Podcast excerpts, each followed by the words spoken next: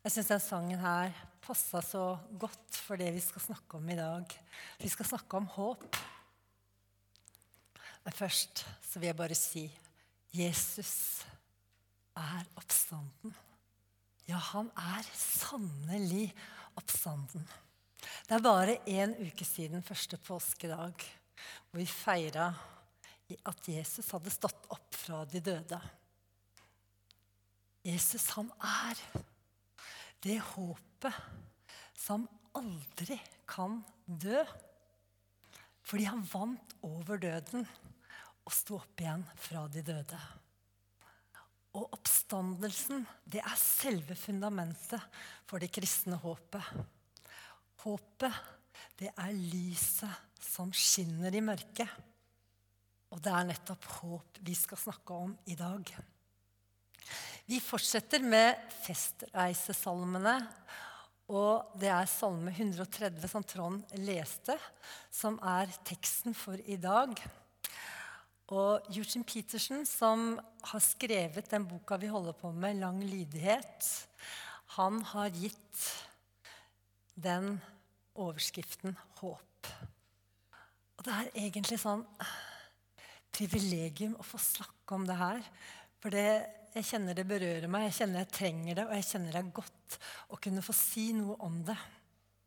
Rick Warren han har sagt vi kan leve uker uten mat noen dager uten vann, noen sekunder, minutter uten luft. Men vi kan ikke leve uten håp, for da bare eksisterer vi.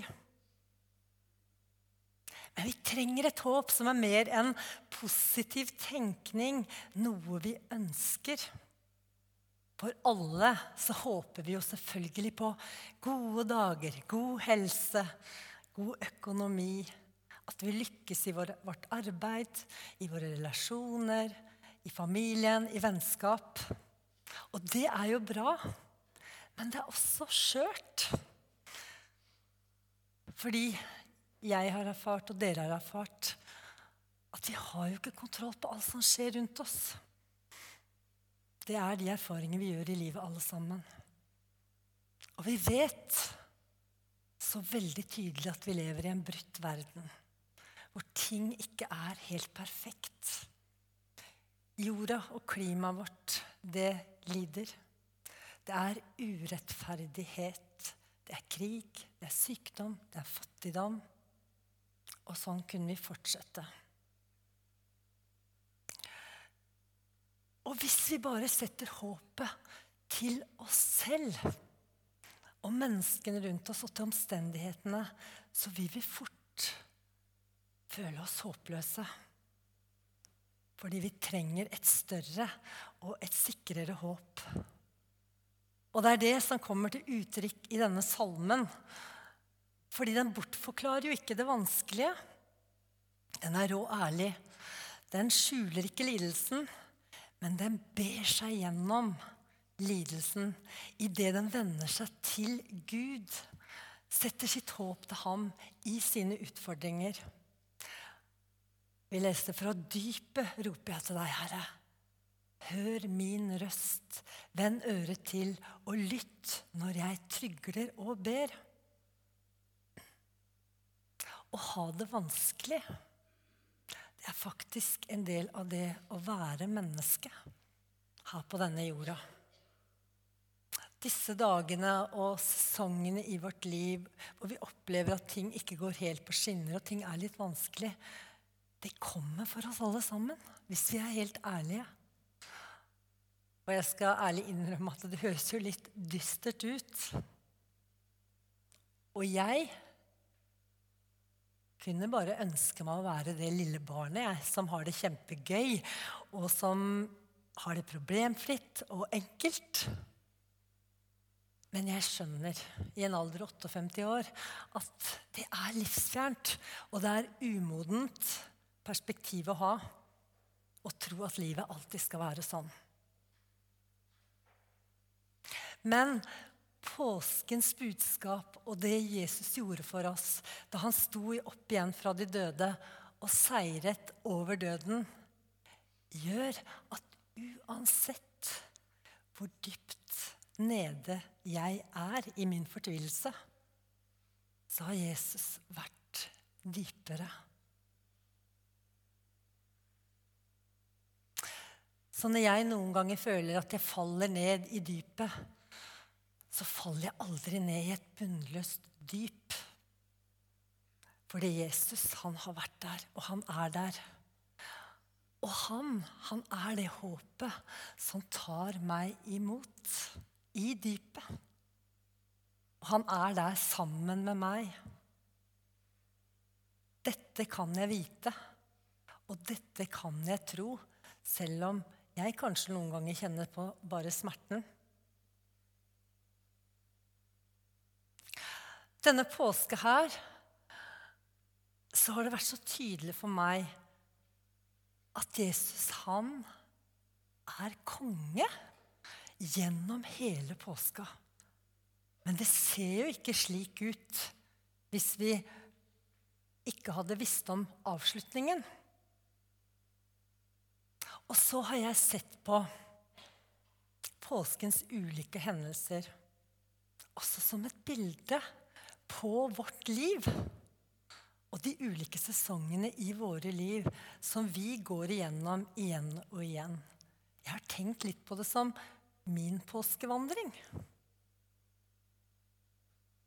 Jesus han måtte jo gå den veien helt aleine.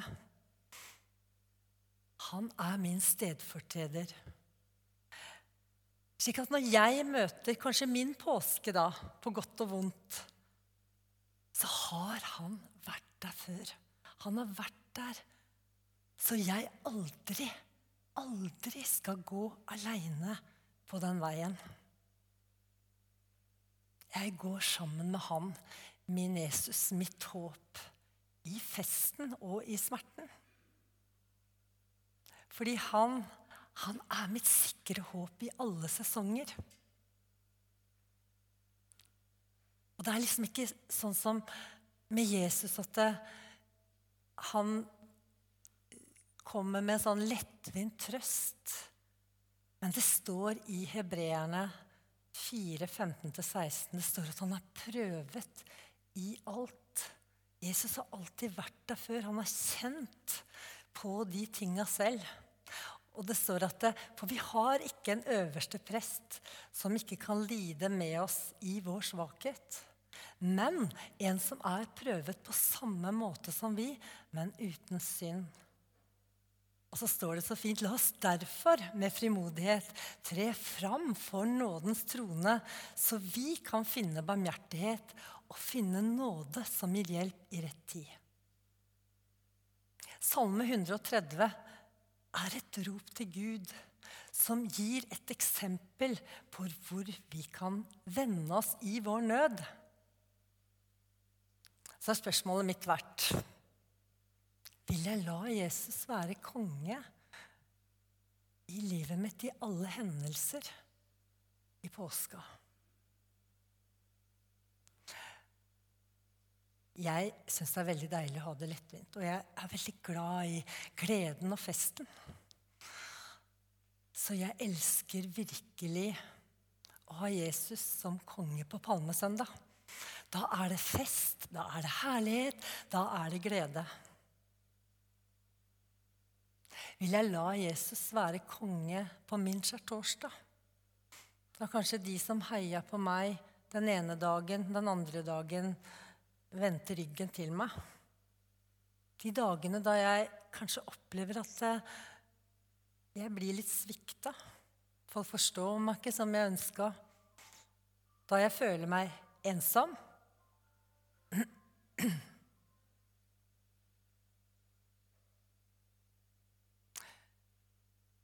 Og da jeg skjønner at livet er skjørt og jeg ikke kan kontrollere alt, jeg la Jesus være konge da på min skjærtorsdag?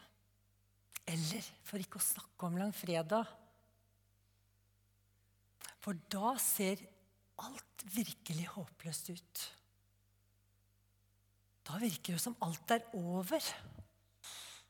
Og jeg skjønner ingenting. Og jeg lurer på hvor i all verden er Gud nå? Det er i slike stunder i våre liv Da vi kjenner vi er dypt nede av ulike årsaker. Da kan vi vite at Jesus har vært der, og han er der. Da kan vi vite at han har lidd for meg, men han lider også med meg. Og han er konge, selv om jeg Og han har kontroll, selv om jeg ikke har det. Og selv om jeg kanskje også til og med føler at han ikke har det. Men jeg velger å holde fast i ham. Og så kommer påskeaften. Den litt sånn tomme dagen. Da er vi kanskje litt apatiske. Ingenting skjer, og vi vet ikke helt veien videre. Tør vi da som salmisten å si Jeg venter, jeg håper på Herren. Jeg venter på Hans ord. Jeg stunder etter Herren mer enn vaktmenn etter morgenen. Vi lever jo i en tid der alles mål er å være kronisk friske og konstant lykkelige. Og lever vi ikke opp til det, så er det fullt av gode, raske råd som vil prøve å få oss dit. Det er jo ikke snakk om å vente. Og da forsøker vi jo veldig ofte å ordne opp så fort som mulig sjøl. Salme 130 snakker om å være åpen om smerten og kle den i bønn. Vente og sette sitt håp til Gud. Legge selvstrevet bort. Overlate oss til Gud. Det står 'stunde etter Herren' som vaktmann etter morgenen. Hva betyr det? Er du en vaktmann som passer på en bygning, så er det ikke sikkert du har så veldig mye å, gjøre. Du må gå rundt og følge litt med. Og den natta den kan være litt lang, og du stunder til morgenen kommer så du kan gå av vakt. Men du kan ikke pushe morgenen fram, for den kommer når den kommer. Så du må rett og slett vente. Men så, når du går som vaktmann, så begynner du kanskje å se da, når morgenen nærmer seg, at det mørket gradvis forsvinner. Og en vakker soloppgang blir etter hvert til høylys dag, og du er ferdig med vakta, du kan gå hjem. Men vi er ikke glad i å vente. Helst ville vi jo ha bønnesvar og løsninger på våre behov, helst i går. Men det er noe med å forstå at vi er ikke Gud.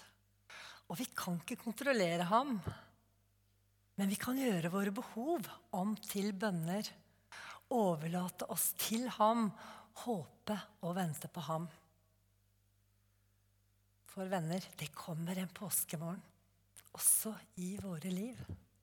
Salme 130 oppfordrer oss på ingen måte til å slå oss til ro med lidelsen. Det vanskelige som vi ikke forstår eller kan forklare, det viser oss heller at når vi er i dypet, er vi ikke utenfor Guds rekkevidde. Vi lærer at uansett hva som, er, hva som har skapt årsaken, hvilke vanskeligheter vi står i, så er det ingenting av det som kan skille oss fra Gud. For hos deg er tilgivelsen, hos deg er gjenopprettelsen, hos deg er håpet. Vi kan overbevise om at Guds vei, det er forsoning og frelse. At forsoning og frelse og lidelse er ikke målet, men forsoning og frelse. Og så er det sånn at det dypet, det har en bunn. Men høydene, de er uendelige. Og når vi vet dette, så hjelper det oss til å fortsette å vente, våke og håpe og så tror jeg det skjer noe med oss også i den prosessen hvor vi venter. Gud får mulighet til å arbeide i oss, arbeide frem frelse og kanskje trene vår tro. Så det skjer noe med oss i våre prøvelser. Jeg ber aldri om prøvelser. Og jeg oppsøker dem heller ikke, men de kommer. Men jeg tror at med Gud så er det ikke forgjeves. For det er alltid han som har siste ordet i livet mitt. Og når vi er der nede, så kan vi fokusere på hans veier, som er nåde og oppstandelse. Og dette håpet som Jesus er, beskrives veldig godt i Hebreerne 6, 19-20. Der står det Dette håpet er et trygt og fast anker for sjelen. Det når innenfor forhenget, dit Jesus gikk inn som forløper for oss, han som til evig tid er blitt øverste prest av samme slag som Melkisedek. Hvis du er ute på sjøen og får motorstopp, og bølgene er kjempehøye og vinden er sterk, da kan det være veldig godt å ha et anker. Og når du kaster ankeret over bord, og det fester seg i havbunnen, så drives ikke båten til havs eller gå på klipper eller på skjær. Det holdes fast av ankeret. Og sånn kan det også være noen ganger i våre liv. At det kan storme skikkelig. Men Jesus er det håpet, det ankeret i våre stormer. Og Jesus er det evige håpet. Og det er ikke basert på det, om det ankeret holder. Har ikke noe med hva jeg føler men det har noe med at det her må jeg faktisk gripe i tro. Det står også i hebreerne at det, troen er en pant på det vi håper. Et bevis på det vi ikke ser. Så troen vår den er ikke basert på ønsketenkning eller optimisme. Men den er basert på noe som er mye tryggere enn det. Den er basert på Guds ord og det Jesus har gjort for oss da han døde og sto opp igjen. Det store spørsmålet er Tror vi at Jesus er den han sier at han er? For hvis vi tror at Jesus står, sto opp fra de døde, og at han er den han sier han er, da er det vel verdt å ha han som anker i livet. Da kan vi trygt la han være det ankeret som holder vår livspost fast, både i storm og rolig vær. For det er faktisk viktig å kaste anker også når det er rolig vær.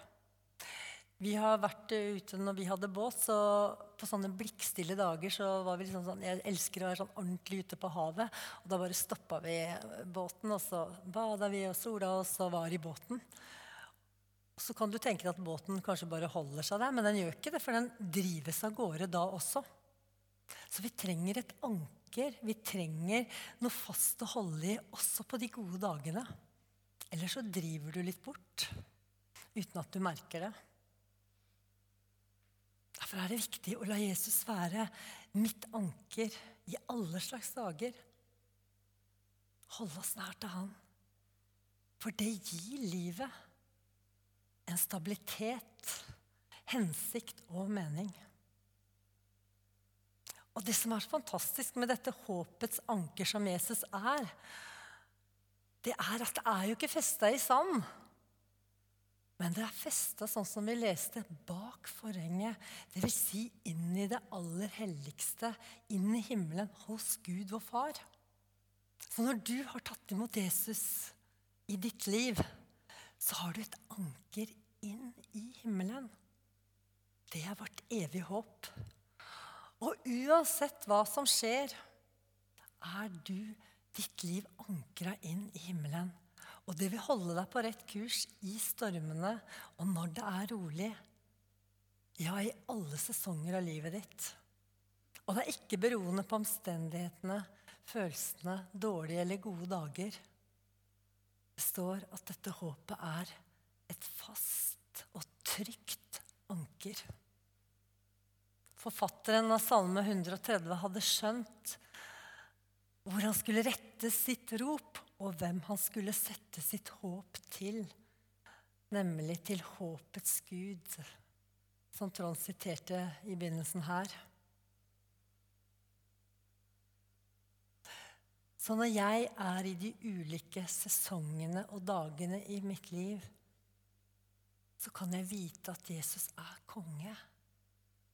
Og jeg har ikke noe sikrere håp enn han, som døde for at jeg skulle få leve. Og det var jo ikke naglene som holdt Jesus til korset, men det var hans kjærlighet til meg.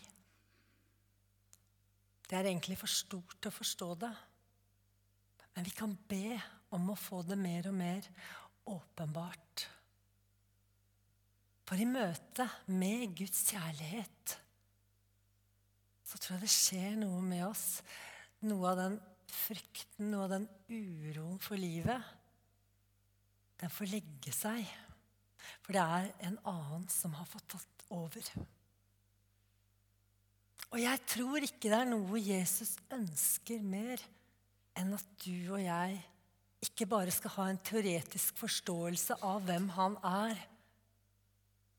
Jeg tror han ønsker at du også skal få kjenne at du er elska av han. At du kan bade i hans kjærlighet. Det er det aller, aller, aller største. Forstår vi det, så er, kommer vi inn i en hvile hvor vi kjenner oss trygge. Og det er egentlig sannheten om oss alle. Han døde for deg. Det var kjærligheten som dreiv Jesus til korset. Det var verken plikt. Han måtte det ikke. Det var helt frivillig. Og Derfor er det så vanskelig for oss som kanskje er vant til i livet vårt at eh, skal vi få honnør og favør og alt det her, så, så må vi jo gjøre noe. Vi må jo prestere noe. Vi må jo vise til at vi duger. Vi må jo vise at vi er bra nok. Derfor er det vanskelig for oss noen ganger å forstå Jesu kjærlighet. For den handler egentlig ikke om deg først og fremst, hva du har gjort. Men det bare handler om hvor grenseløs han er i sin kjærlighet. Du vil aldri møte noen som elsker deg sånn som han gjør. Jeg kom over et uh,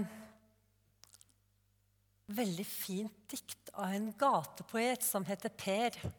Og jeg syns det illustrerer så godt det jeg har sagt nå. Fordi at han hadde levd, levd, levde og lever et røft liv med både rus og alkohol. Han hadde fått tak i det håpet.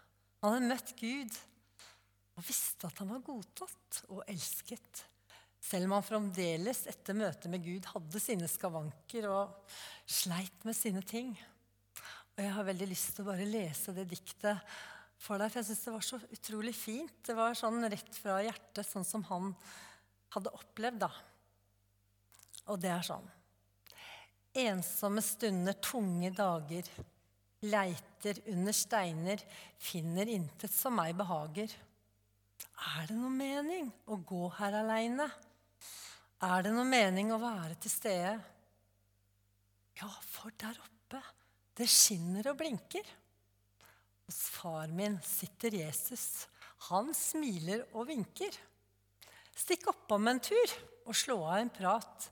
Og det gjorde jeg, og da skjedde det noe rart. Redsel for livet og tunge tanker forsvant like fort som en båt kaster anker. En båt, ja. Der seiler jeg med en styrmann ved roret. Det var ikke så vanskelig, for jeg tok ham på ordet. Min synd har han sonet. Mine tårer har han grått. Jeg takker deg, Gud, for det livet jeg har fått. Så vandrer jeg rundt med et smil på min vei, for jeg veit at en dag våkner jeg opp hos deg.